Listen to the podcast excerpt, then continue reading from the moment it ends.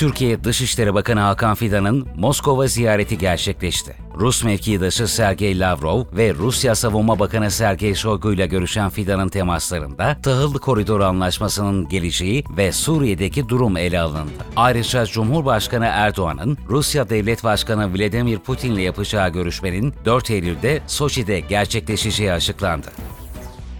Güney Kıbrıs Rum yönetiminde bir camiye saldırı düzenlendi. Türkiye ve Kuzey Kıbrıs Türk Cumhuriyeti saldırıyı kınadı.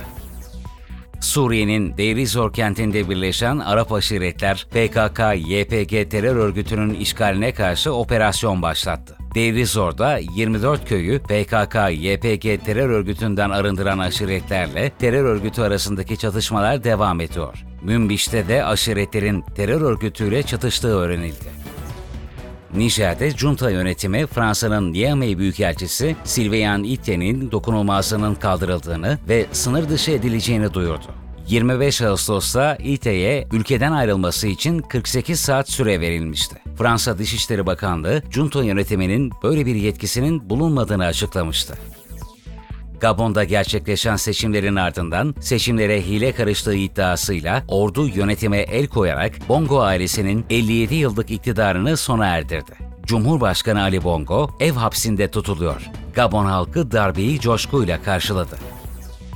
Libya Dışişleri Bakanı Necla El Mangus'un İsrail'li mevkidaşı Eli Cohen'le yaptığı görüşmenin basına sızdırılması Libyalıların sokağa çıkmasına yol açtı. Göstericiler Dışişleri Bakanlığı'nı basarken Başbakan Abdülhamit Dibeybe Mangus'u görevden aldı. Manguş, vatana ihanetle yargılanacak. İşgalci İsrail ordusunun Batı Şeria'da düzenlediği operasyonlarda 32 Filistinli gözaltına alındı.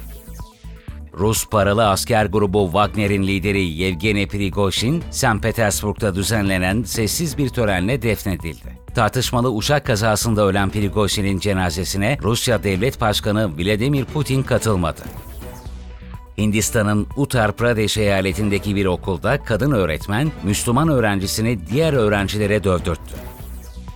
Amerika'nın Florida eyaletinin Jacksonville kentinde siyahilerin yaşadığı bir mahalledeki markete silahlı saldırı düzenlendi. Saldırıda 3 kişi hayatını kaybetti. Saldırgan olayın ardından kendini vurarak intihar etti. Amerikan Başkanı Joe Biden ırkçı saldırıyı kınadı.